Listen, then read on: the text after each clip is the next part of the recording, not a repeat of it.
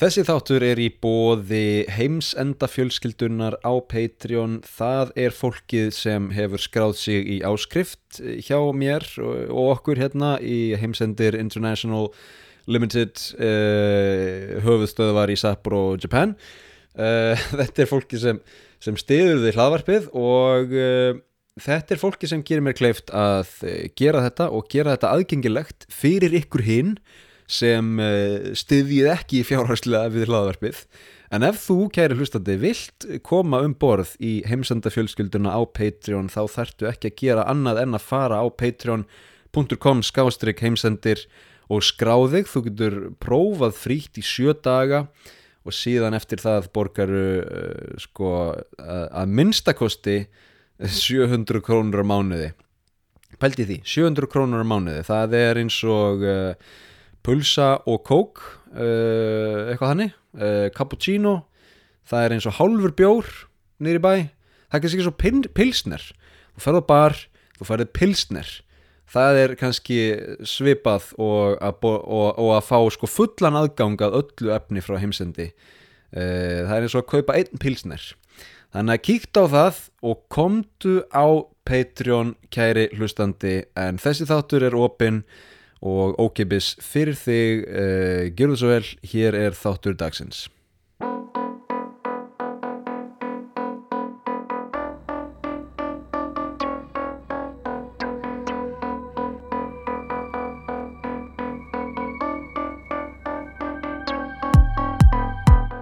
Gott fólk, verið velkomin í þátt Númer 97, það er hlaðvarpið heimsendir sem heilsar hérna frá Sapporo og uh, við erum í góðum málum.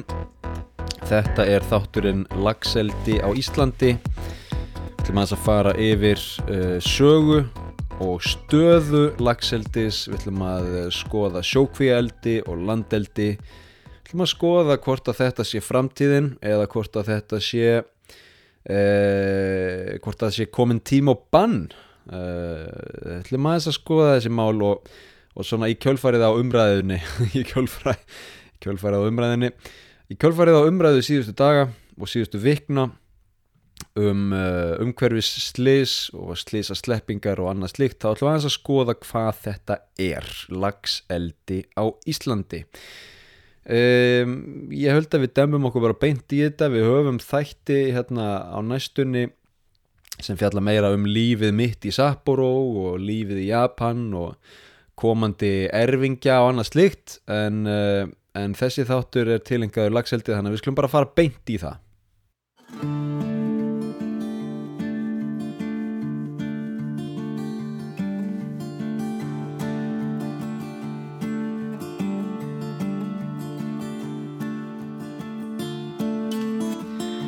Byrjum á að skoða stöðu lagseldis á Íslandi.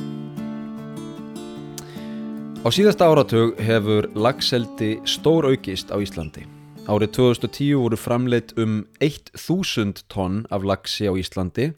Á síðasta ári, 2022, var framleiðslan um 45.000 tonn. Sem sagt, 45 földun á framleiðslu á 12 árum. Langstæstur hluti þessara framleiðslu fer fram í svo gölluðu sjókvíja eldi þar sem lagsinn er fóðraður í flótkvíjum í sjónum. Lagseldi fyrirfinnst líka á landi en í mun minna mæli heldur en í sjó aðeins í kringum 2000 tonn á ári.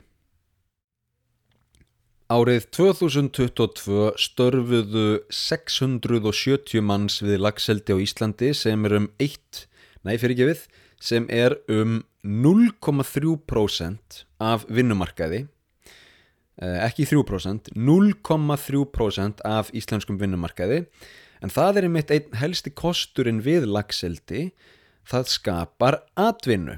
Og ekki bara hvernig atvinnu sem er heldur mikilvæga atvinnu utan suðvestur hornsins utan höfuborgarsvæðisins atvinnu sérstaklega á vestfjörðum og austfjörðum Árið 2022 voru nefnilega um 30.000 tonn af eldisfiski slátrað á sunnanverðum vestfjörðum.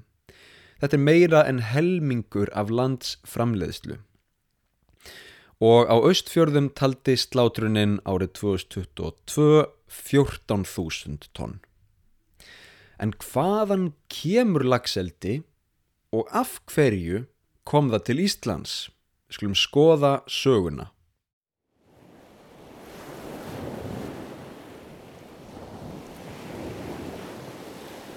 Lagseldi á Íslandi hófst af alvöru árið 1952. Þá var eldistöð sett af stað við elleðordnar í Reykjavík og var aðalega verið að ala lagsaseiði til göngustærðar. Lagsaseiði eru litli lagsar, eh, lagsabörn fyrir þau ykkar sem ekki vitið, litli fiskar, lagsaseiði. Eh, seiðin voru og eru enn notuð til að auka stærð lagsaganga í lagsveiði ár landsins. Ekki allar lagsveiði ár en sumar. Í kringum 1985 fóru menn síðan að skoða möguleikan á lagseldi til manneldis á Íslandi að norskri fyrirmynd. Fólk sá þennan yðnað blómstra í Noregi, Danmörku og Skotlandi og spurningin vaknaði af hverju getum við ekki gert þetta líka?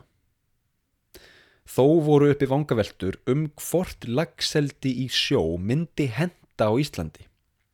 Noregur býr yfir aðdjúpum og lignum fjörðum sem mynda fullkomið skjól fyrir fiskeldi í sjó. Það eru sem sagt minni áhrif frá hinnum insu veðurskýlirðum. Skotland þarf aftur á móti að færa stærri hluta af sínu eldi upp á land en það minna skjól að finna í sjónum.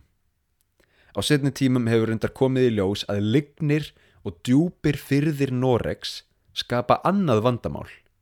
Mengunin frá eldinu sapnast saman á botni fjardarins og sjávarströymar ná ekki að dreifa úr henni. En hvað um það? Engin yðnaður er ókipis. Á Íslandi var talað um mikilvægi þess að nýta þau landgæði sem Íslendingar hafa yfir aðra. Ég endur tek að nýta þau landgæði sem við höfum yfir aðrar þjóðir. Í kjölfarið fór af stað þróun á lagseldi í sjó og setna meir sjókvíaeldi. Sjókvíaeldi er ein ódýrasta leiðin til lagseldis en það nýtir maður til þess sjóin. Og hver á sjóin? Allir eiga sjóin og engin á sjóin. Þið vitið? Það má í raun ímynda sér að veri sér að útvista hluta framleiðslunar til hafsins. Lagsinn nýtir sér auðlindir hafsins pluss fóður frá eldinu. Og orkuþörf sjókvíaeldis er því í lámarki. En tilraunir til sjókvíaeldis á Íslandi leittu fljótt í ljós að slikt eldi í íslenskum fjörðum var óörugt. Veðurfar að vetri til var of óstöðugt og hafði of mikil áhrif á eldið, samanber læðir og storma sem geta í verstu tilfellum eigðilagt kvíjar og leitt til þess að 2000 lagsa sleppa út í hafið. Ásamt því var hítastig sjávar óhagstætt lagseldi að vetri til. Ennfremur eru ókostir sjókvíaeldis veruleg mengun sem þeim fylgir, mengun í formi fóðurs sem fellur ónýtt til botns, sem og fóður sem fellur nýtt til botns, sem sagt skítur, á samt livjum og öðrum kemískum efnum. Hægt er að milda þessi áhrif með því að færa sjókvíjar til og frá milli ákveðina staða og dreifa þannig menguninni á meira svæði til dæmis um heilan fjörð. Loks er sjúkdómahætta mikil milli lagsa í eldinu ekki síst ef mengun er slæm. Á sama tíma og verið verið að skoða þennan möguleika á Íslandi að hefja sjókvíaeldi var litið á annan valmöguleika, strandkvíaeldi eða landeldi þar sem varanlegar kvíjar eru byggðar á landi. Þetta er orgu frekasti kosturinn en það þarf mikla hítanótkun til að viðhalda hítastígi vassins í kvíunum. Auk þess þarf gott aðgengi að söldu vatni úr sjó. Óskandi væri ef Ísland væri land þar sem umframmagn raforku og heitavarts er framleitt, sem og ef gott aðgengi væri að sjó. Helstu kostir landeldis eru að mögulegt er að slátra allt árið um kring og mun minni afföll verða við framlýsluna en það er erfitt fyrir lagsin að sleppa af landi. Veðurfar hefur lítil sem engin áhrif á eldið og mögulegt er að koma í veg fyrir að mengun sleppi út í náttúruna. En þetta er svo sem bara kostur ef fólk er þannig þengjandi. Skoðum þetta nánar. Sjókvíaldi er að miklu leiti fríjað ábyrð á menguninni en það fer hún bara út í sjóin og óvist er hver er réttmætur eigandi hans. Ok, hérna er ég að taka mér smá skáldaleifi en það er einn helsti matþáttur leifisveitinda og leifisveitinga á Íslandi burðarþór fjörða til sjókvíaeldis. Sem sagt, Þegar verið er að veita leifi, rekstrarleifi til sjókvíaeldis er burðarþól fjárðaskoðað sem, og það er átt við, hversu mikið sjókvíaeldi getur fjörðurinn ráðið við til að það raski ekki vistkerfi fjárðarins til að mengunin frá sjókvíaeldinu hafi ekki verulega talsverð áhrif á vistkerfi fjárðarins. Ok, þannig að þegar ég segi sjókvíaeldi er að miklu leiti fríað ábyrð frá menguninni uh, það er kannski ekki alveg rétt en eins og við munum komast að er ekki nóg að veita leifin það þarf líka að fylgjast með framvindu rekstrarins það þarf að hafa eftirlit. Þannig að það er svolítið það sem ég ávið þegar ég segi að ábyrðin á menguninni sé aðeins á gráðsvæði Gótt og vel höldum áfram. Helstu ókostir landeldis er gríðarlegur stopnkostnaður framleiðslunar byggja þarf varanleg kér eða kvíjar á landi með flóknu kerfi vassleiðsla, forhitunar og fóðurbúnaðs.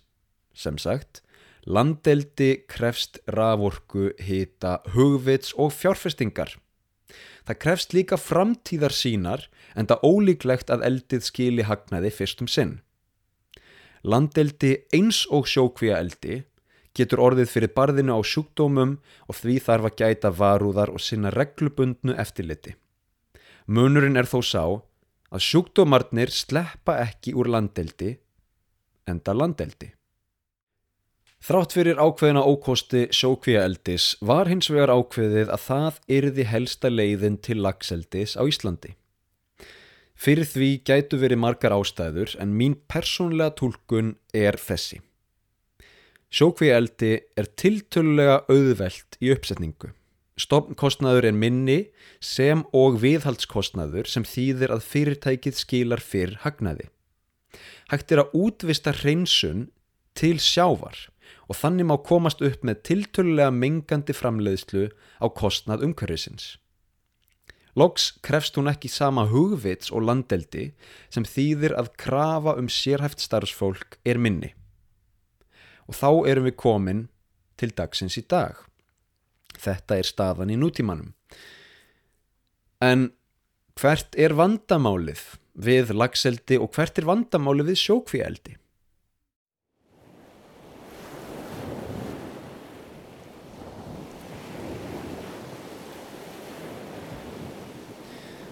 Árið 2023 var lögð fram skýrsla matvælaráðunettisins sem ber titilinn Staða og framtíð lagareldis á Íslandi. Skýrslan telur heilar 285 blaðsíður og fer ítarlega yfir ja, stöðu og framtíð lagareldis, þar á meðal lagseldis á Íslandi. Þegar kemur það óvissu og áhættu þáttum sjókvíja eldis nefnir skýrslan eftirfarandi punkta. Í flokkinum umhverfi kemur punkturinn Mikill þjættleiki opina sjókvíja getur skapað álag á hafsbót vegna lífræns álags og efnalósunar, fóður, skítur, lif og fleira. Og nú ætla ég að hérna, uh, bræða frá skýrslunni um stundarsakir uh, til að gefa ykkur dæmisögu úr mínu persónlega lífi. Fjölskylda mín kemur frá vestfjörðum og við eigum en uh, aðsetur eða, eða hús, uh, sumarhús á vestfjörðum. Þar uh, förum við og, og, og verjum tíma ár hvert. Oftast nær á sömurinn, stundum um vetur. Og ég hef, ég hef svona í gernum tíðina uh, í raun alist upp við minningar af viðveru á þessum stað á vestfjörðum, á sunnanverðum vestfjörðum. Uh, hvert sumar. Og þarna höfum við árabát sem við getum nýtt til að fara út róa út á fjörð og draga þorsk, veiða þorsk. Uh, minningarna mínar frá badnæsku eru að í hvert einasta skipti sem við fórum út af fjörð að veiða þorsk veitum við tugi þorska sem voru velhaldnir og falleir fiskar. Og við gáttum róið út stuttan spöl frá landi og veitt í klukktíma, tvo klukktíma og dreyið upp 20, 30, 40 þorska. Um, ég man aldrei til þess að við höfum farið út og það hafi ekki verið neitt fiskir í síðan gerist það fyrir nokkrum árum að uh, það fyrir að myndast sjókvíaldi í fyrðinum uh, fyrst kemur ein sjókví síðan tvær, síðan þrjár, síðan fjórar og nú eru held ég 10 til 15 sjókvíjar í þessu uh, sjókvíaldi í þessum fyrði og viti menn, eitthvað breytist. Uh, nú förum við út á sama árabát á sama stað að veiða sama fisk og það er engin fiskur uh, auðvitað koma ár þar sem við veiðum fisk þar sem við sjáum þorsk en það er miklu meiri breytileiki. Uh, stundum veiðist ekki neitt stundum veiðist eitthvað smá stundum veiðast bara litlir fiskar stundum veiðast stórir fiskar en þeir eru uh, uppfullir af sníkjudýrum sem er svo sem alveg eðlilegt upp á ákveðnu marki í, í, í þorskinum. En það sem ég er að reyna að koma að er að það er eitthvað breytt. Og þetta getur verið nattræn hlínun og þetta getur verið eitthvað og þetta getur verið ímislegt og það er alveg, þú veist, það er ekkit endilega orsakasamhengi hérna á milli komu sjókvíaeldisins og, og breyttrar veiði hjá einum litlum árabát hjá einni lítilli fjölskyldu á einum stað á vestfjörum en þetta fær mann til að hugsa. Um, ég hef engar vísindilegar sannanir fyrir því að, að, að þarna sé sjókvíaeldið í fyrðunum sem eigi stærstan þátt í þessu. En þetta er eitthvað sem ég upplifa person, upplifi persónlega og, og, og, og mín persónlega skoðun er að mengun frá þessu sjókvíaeldi hafi þau áhrif að vistkerfi fjaraðarins sé að breytast og þorskurinn og aðrir fiskar uh, séu á meiri flækingi og, og, og, og séu einfallega uh, ekki, búi einfallega ekki við sömu aðstæður og áður. Þannig að þegar að skýrslan nefnir þennan óvissu og áhættu þátt þá er ég henni sammóla ok, haldum áfram með skýrsluna og förum yfir í næsta punkt Slísasleppingar geta valdið erðablöndun við vilda lagsastofna. Uh, þetta er ástæðan fyrir því að við eigum sérstök verndarsvæði á Íslandi uh, og þetta er ástæðan fyrir því að lagseldi er bara leift á ákveðnum stöðum í fjarlæð, í ákveðinu fjarlæð frá til dæmis uh, stórum lagsveiði ám og ám þar sem að stórir lagsastofnar uh, ganga upp í árnar. Gott og vel, höldum áfram. Sjúkdómar og fiskilús geta borist úr fiskeldi í vilda laxastofna. Þetta er uh, laxalúsin sem við höfum séð myndir af uh, laxalúsin sem getur laxin lifandi og, og orsakar einstaklega ósmekleg sár uh, á laxinum og við höfum séð myndir af þessu Laxalúsin hefur sérstaklega slæm áhrif á seiði viltra laxa uh, gefið að hún komist í þau. Höldum áfram með skýsluna, næsti flokkur talar um viðskipti, Fyrsti punktur, viðskipta áhætta almennt lægri en í öðrum fiskeldisgreinum. Ok, og hér spekulera ég sjálfur persónulega að þetta, þetta tali til þess að, að lagsin e, fær hátt verð á markaði og markaðurinn er tilturlega stöðugur. En síðan nefnir skýslan Hár leifiskostnaður, efnahagsleg, niður sveibla, líffræðilegar áskoranir og lækkað verð á lagsi geta haft veruleg áhrif á arðsemi. Ok, gott og vel, þetta er einhverja spekuleringar. Uh, næsti flokkur rekstur.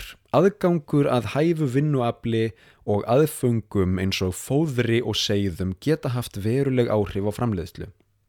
Nú er þetta að fara að hljóma eins og kennslubóki viðskiptafræði.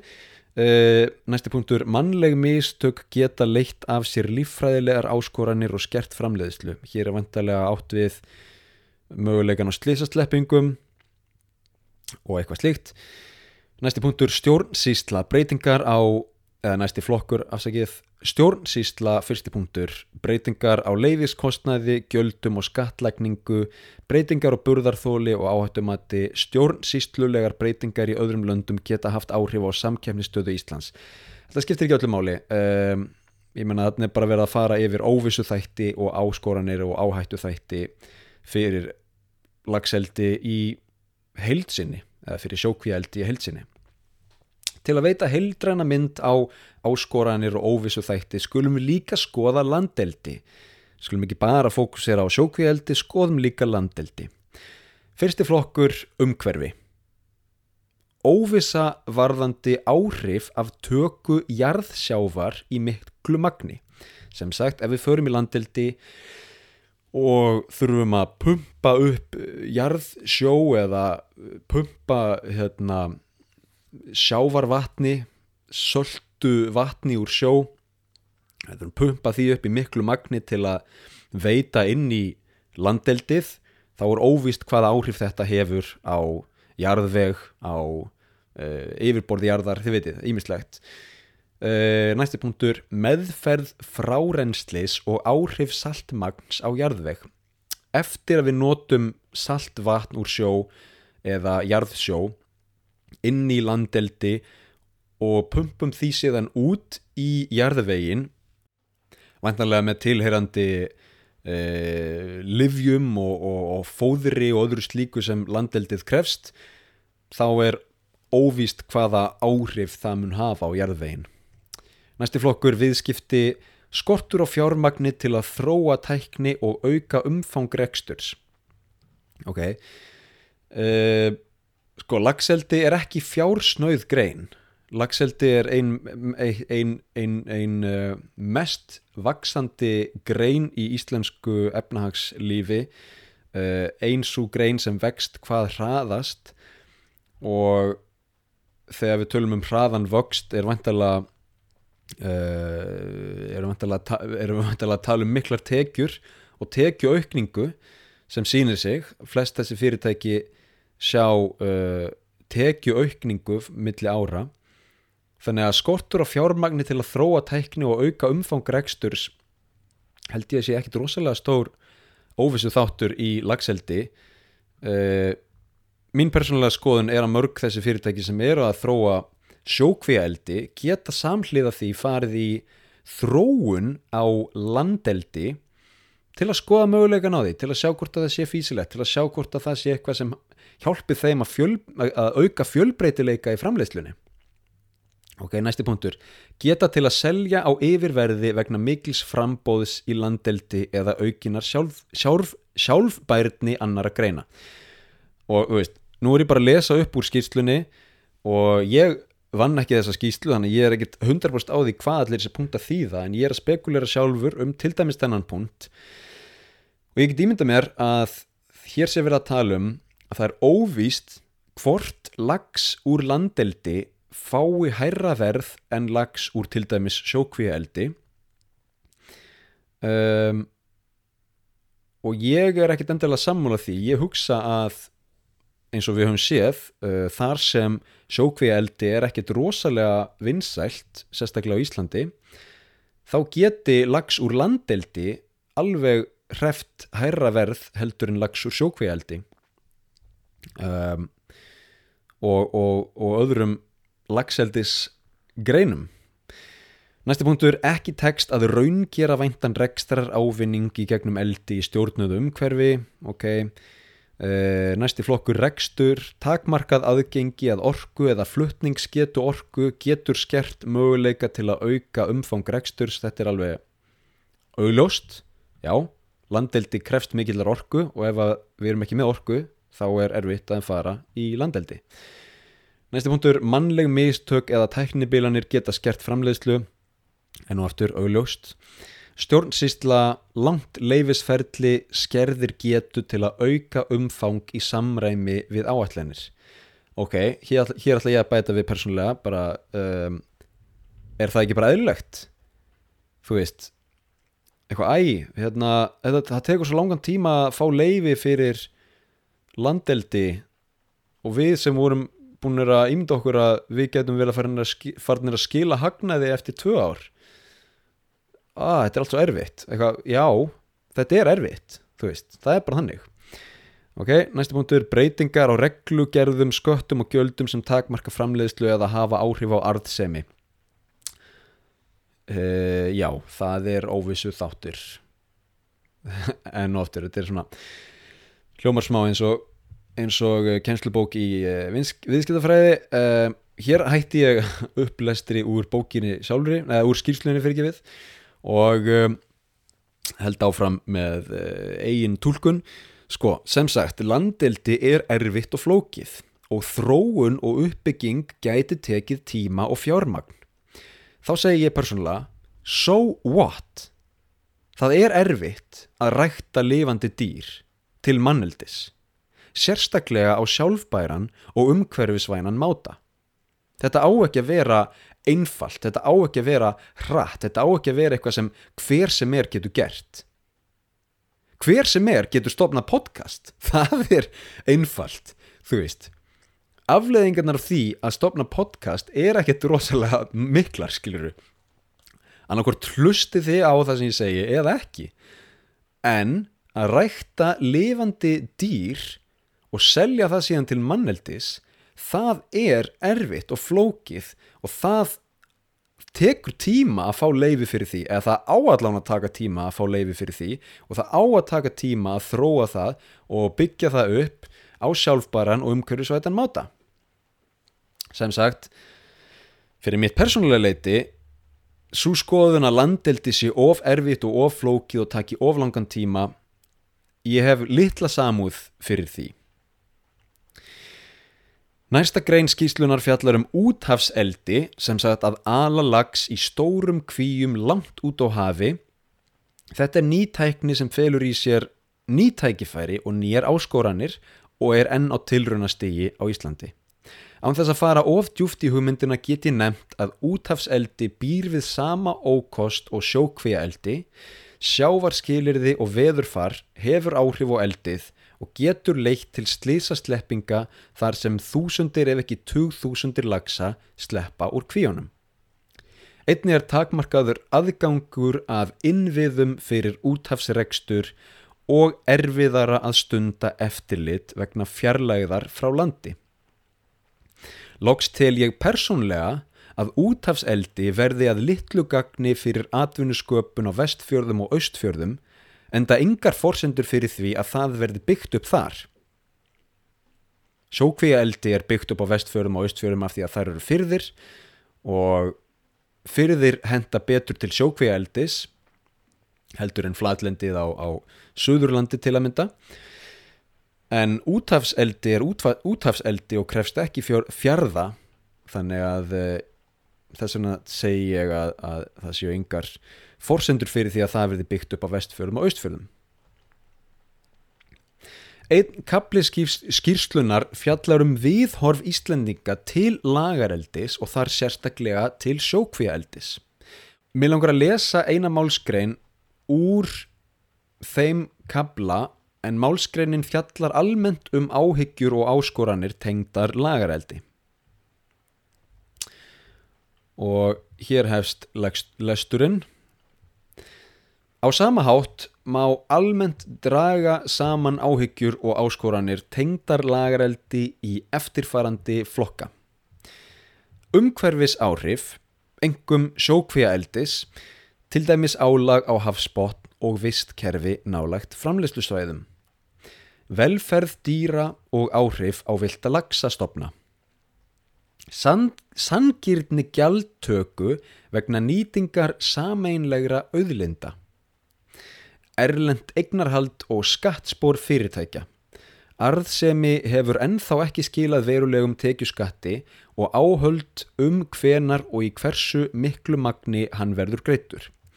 Erlend vinnuafl er stór hluti starfsmanna og einnig er notast við starfsmanna leigur. Þarfleðandi er óvíst hversu mikið útsvar skila sér til sveitafélaga. Egnarhald er að stórum hluta hjá erlendum stórfyrirtækjum í fiskeldi sem búa við mikla lóðrétta samþæktingu sem gerir þeim mögulegt að stýra því hvar hagnaður myndast í virðiskeiðinni. Neikvæð áhrif á alþjóðlega ímynd Íslands er varðar ósnortna náttúru. Erlendur Erlendir eigendur kunna að hafa minni kvata til að varðveita staðbundna náttúru og leggja sitt af mörgum til félagslegra innviða eða annarar langtíma uppbyggingar í samfélögum þar sem lagseldi er stundað. Og hér líkur lestri úr skýrslunni, úr kabla sem fjallar um viðhorf Íslendinga til lagareldis og þetta var málskrein um áhyggjur og áskoranir tengdar lagaröldi sérstaklega sjókvíaldi og hér held ég áfram með mína persónlegu tólkun næst þegar þið heyrið fyrirtæki í sjókvíaldi fjalla um útsvar til sveitafélaga og uppbyggingu atvinnulífs er gott að hafa í huga að stór hluti ávinningsins er fluttur eins og lagsin sjálfur úr landi. Ennfremur er aðteglisvert að skoða að lönd á borði færegar setja ákveðinar hömlur á eignarhald erlendra aðila í sínu lagseldi. Þar segir, engin aðili sem er ekki búsettur í færegjum getur átt meira en 20% af atkvæðisbærum hlutum í fyrirtækjum sem hafa lagseldisleifi. Okay. Á Íslandi er 95% framleiðslu heimilda samkvæmt útgefnum rekstrarleifum til sjókvíaeldis í höndunum á tveimur norskum fyrirtækja samstæðum. Með fullri virðingu fyrir norskum frændum okkar og frængum finnst mér nokkuð merkilegt hversu margir Íslendingar eru tilbúinir að berjast fyrir tilverurétti þeirra í íslensku lagseldi. Hver er þá lausnin? Við erum búin að fjalla um vandamál við erum búin að fjalla um kosti líka og það eru kostir við lagseldi vantarlega og það eru kostir við sjókvíaeldi líka en hver er lausnin við þessu öllu saman? Hvernig fáum við einhvers konar jafnvægi í þetta?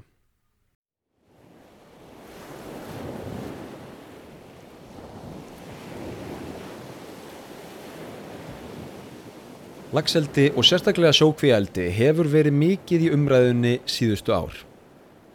Skoðanir mismunandi hópa hafa oft verið á öndverðum meiði en mér finnst einn hópur ganga nokkuð reynd til verks í gagnrýni sinni á sjókvíaldi.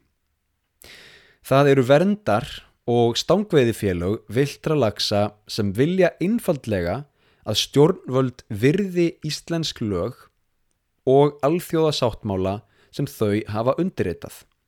Ásamt því að takmarka þá áhættu sem fylgir sjókvíældi. Þau leggja fram eftirfarandi ráðstafanir. Stöðva frekari útlutun leifa til sjókvíældis og afturkalla útgefin leifi sem ekki eru nýtt. Lögfesta friðlýsingu núverandi svæða þar sem lagseldi er ekki heimilt og hér kemur mín persónulega skoðun ég er sammála. Þú veist auðvitað ætti að lögfesta frið, friðlýsingu þeirra svæða þar sem lagseldi er ekki heimilt. Það er engin ástæða til að stunda lagseldi um allt land. Og þau svæði sem eru friðlýst ættu að vera vernduð með lögum ok, aftur að ráðstöfunum sem þau leggja fram.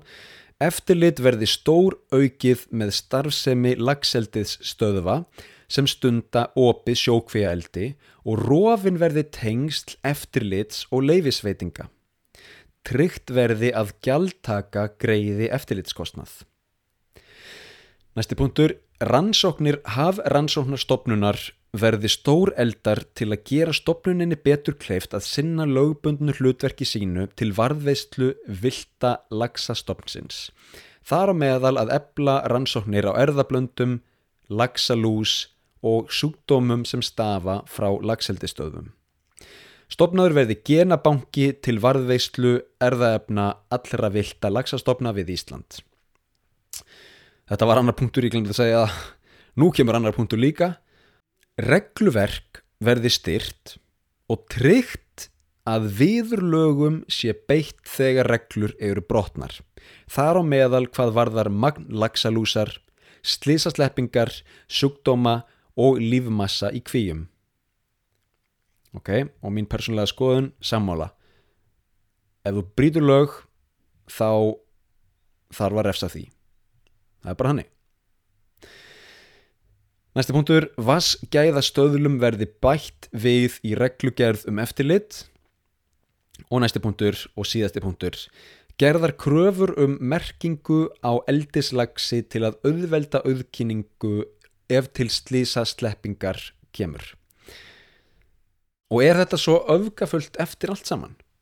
Er þetta ekki bara eðlilegar kröfur? Það er mín persónulega skoðan að megnið af þessum ráðstöfunum sem verndar og stángveði félög vildra lagsa setja fram séu emitt eðlilegar og í mörgum tilfellum nöðsynlegar. Og það sem meira er, fólk á vestfjörðum virðist vera sammála þessu. Í grein sem byrtist á BB þann 9. oktober síðastliðin, BB stendur fyrir bæjarins besta, nei þetta er ekki pulsusali, þetta er fréttamiðil vestfjörðinga, bb.is, fjallar gerður Björk Sveinsdóttir íbúi á sunnanverðum vestfjörðum um jákvæð áhrif lagseldis á uppbyggingu byggðar á Patrísfyrði en segir svo, og ég tilvitna, okkur er and um náttúruna, lífrikið og samfélögin sem byggjast upp í kringum eldið og gerum kröfu til þess að umhverfi slís líkt og það sem átti sér stað í Patrísfyrði endur taki sig ekki. Við viljum að allir þeir sem aðkoma, hvort sem það eru fyrirtækin sjálf, ríkið eða aðrir, leggji metnað sinn til þess að hægt sé að sinna þessari nýju atvinnugrein svo að sátt sé um og sómi sé að. Tilvetnum líkur. Flott! Þá erum við sammála. Það þarf að stór auka eftirlit annarsvegar og viðurlög við brotum hinsvegar og fyrir þau ykkar sem ekki vitið umhverfisliðsið í Patríksfyrði sem hún nefnir var slísaslepping um 3500 norskra eldislagsa úr sjókvíum Arctic Sea Farm einni þekkt sem Arctic Fish sem hafa valdið usla í mörgum af helstu lagsveiði ám landsins. Stór hluti þessar lagsa var kynþróska en það er einmitt það sem fólk hefur óttast að geti gerst að kynþroska eldislagsar gangi upp í ár þar sem vildi íslenski lagsastofnin er til staðar. Bændur, landeigundur, leiðsögumenn og veiðimenn þurfa nú að súpa segðið af þessu og þrátt fyrir að stángveiðin sé ekki eini yðnaðurinn sem nýtur góðs af verndun viltalagsins eru þau kannski sínilegust. Sem dæmi koma erlendir veiðimenn til landsins því landið, Ísland, hefur það orðspor að náttúran sé hér óspilt og að lagsastofnin sé enn viltur og ómengaður. Þetta er hlut af því sem verið er að venda. Og til þess að venda þetta þarf eftirlit sem virkar.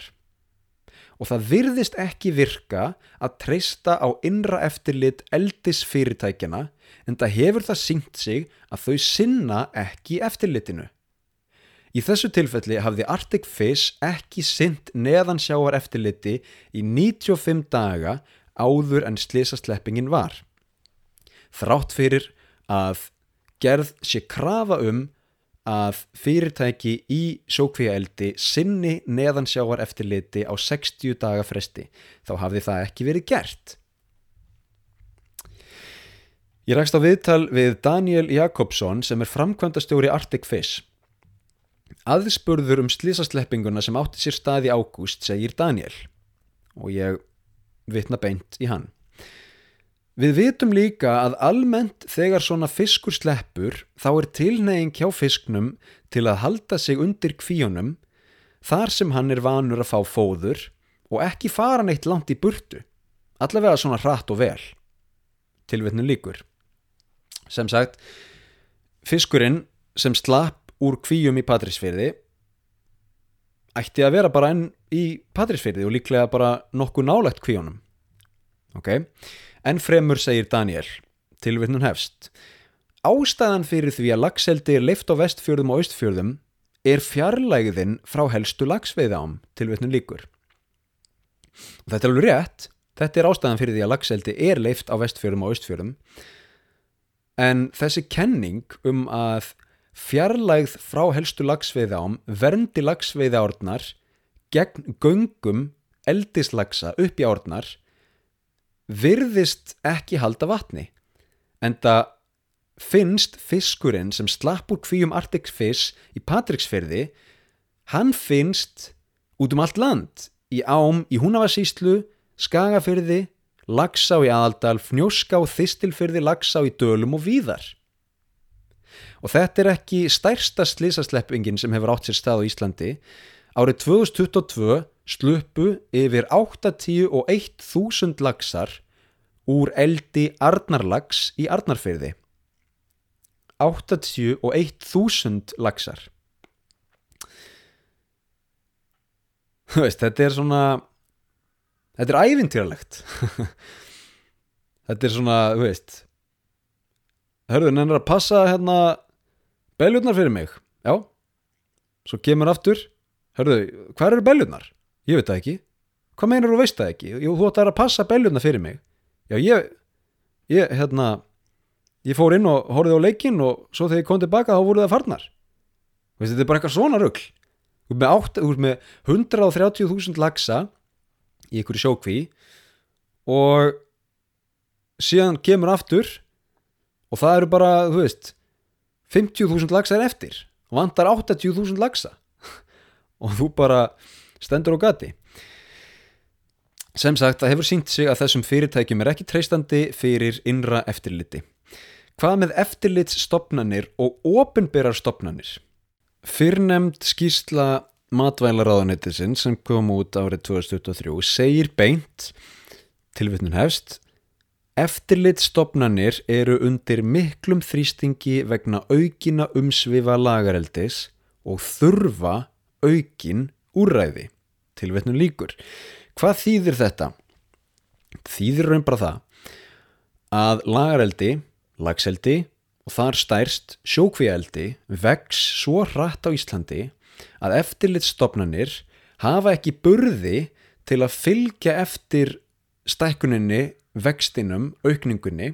Þau hafa ekki starfsfólk, þau hafa ekki e, já, burði til að, að að auka eftirlit í samræmi við aukningu og stækkun geirans.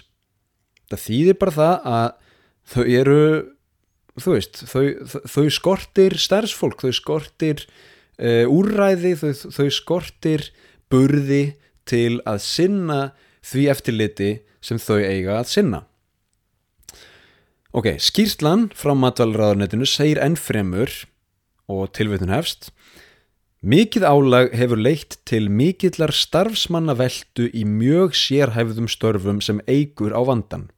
Aðgangur að starfsfólki með réttamentun og þekkingu er takmarkaður og fyrirtæki í lagareldi laða í mörgum tilfellum aðeins sér það litla frambóð sem til staðar er.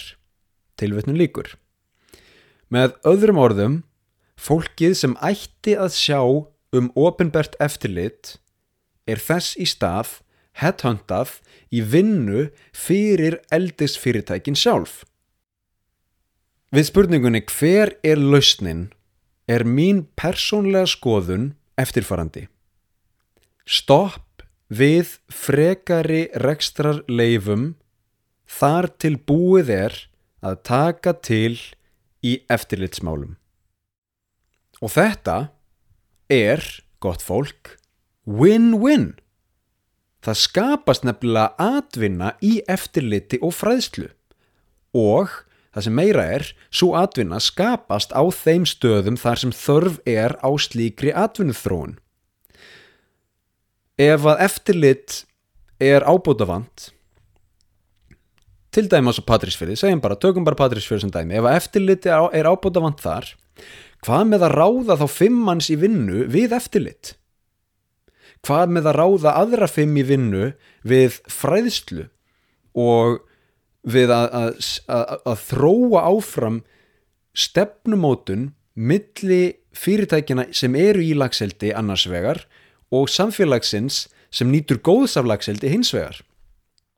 Þegar fólk talar um að það þurfa að ná sátt að það þurfa að ná sátt milli eldisfyrirtækina annars vegar og samfélagsins hins vegar er þetta ekki eitthvað sem getur skapað atvinnu?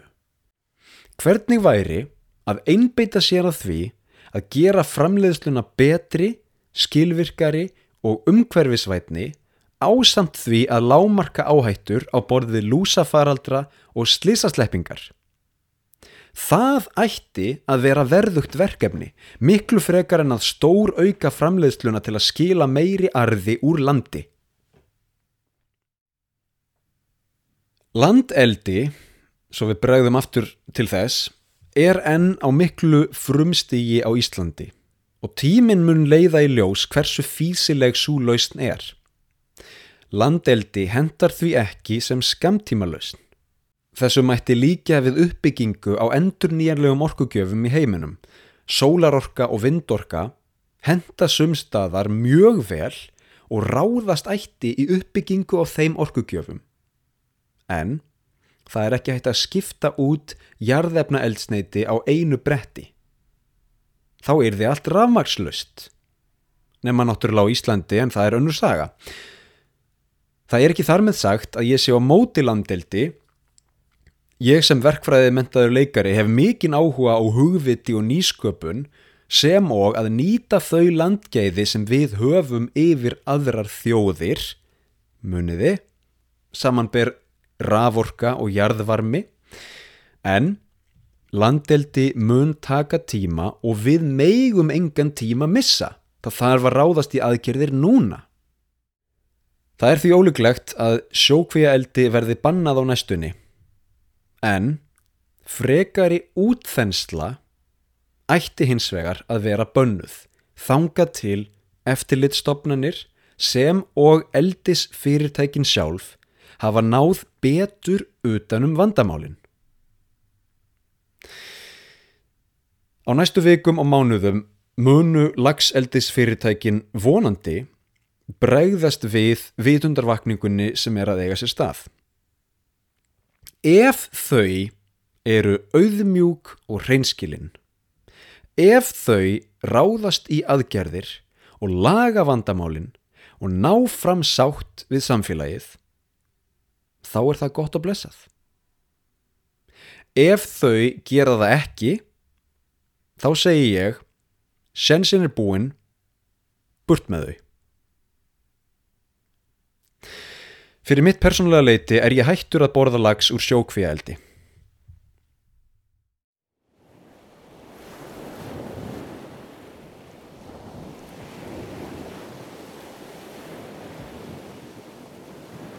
Undir lok vil ég nefna það að uppbygging byggðar og atvinnuþróun þarf ekki að vera bundin við sjókvíaeldi. Til eru margar aðrar leiðir til að skapa eitthvað nýtt og það heitir einmitt nýsköpun. Vestfyrðir og austfyrðir eflust líka en ég tala fyrir vestfyrði af því að ég þekki þá betur og þangað á ég rætur að reykja vestfyrðir meiga alveg við uppbyggingu í ferðarþjónustu og ferðamennsku sérstaklega í sérhæfðri ferðamennsku á borðið fjallaskýði, hjólaferðir, fugglaskoðun, sjóstangveiði og gunguferðir. En fremur hefur það sínt sig að það er varhugavert að leggja allt sitt traust á einn yðinnað frekar en að byggja upp fjölbreytt atvinnulíf. Listastarf og menning, tónlistarháttíðir, residensíur, þörungarækt, bleikjueldi á landi, skelfiskur í sjó og miklu miklu fleira. Þetta eru bara hugmyndir. En möguleikanir eru fleiri en bara sjókvíældi. Ég ætla að enda á dæmisögum.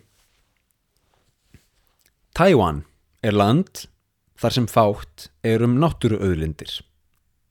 En Tæwan vildi verja sig gegn stórabróður sínum Kína. Tæwan ákvað því að gera sig að ómissandi þætti í aðfangakeðju stærsta stórveldis heimsins bandaríkjana. Tæfan byggði upp stærstu framleiðslu á hálfleiðurum heimsins og framleiðir nú nöðsynlega í hluti í nýjustu tækni og vísindi bandarískra tæknifyrirtækja. Hugvitt og nýsköpun, drivkraftur og dugnaður. Það var það sem þurfti. Nú er ekki að segja að vestfyrðir eigi að ráðast í framleiðslu á örflögum eins og Tævan. Ég er bara að segja að það má skoða aðra möguleika en sjókvíaeldi.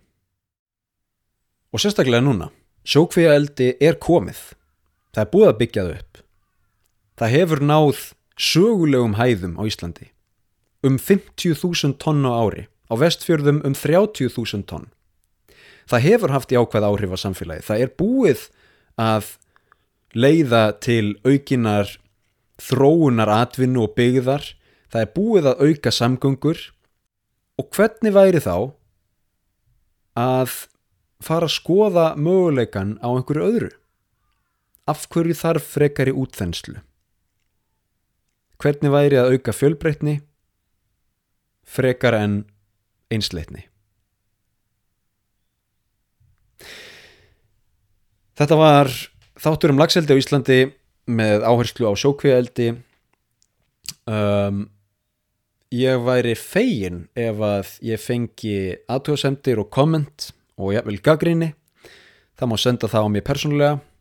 Um, ef að fólk vil fá aðgang að þeim heimildum sem ég notaði við vinslu þessa þáttar þá má líka hafa samband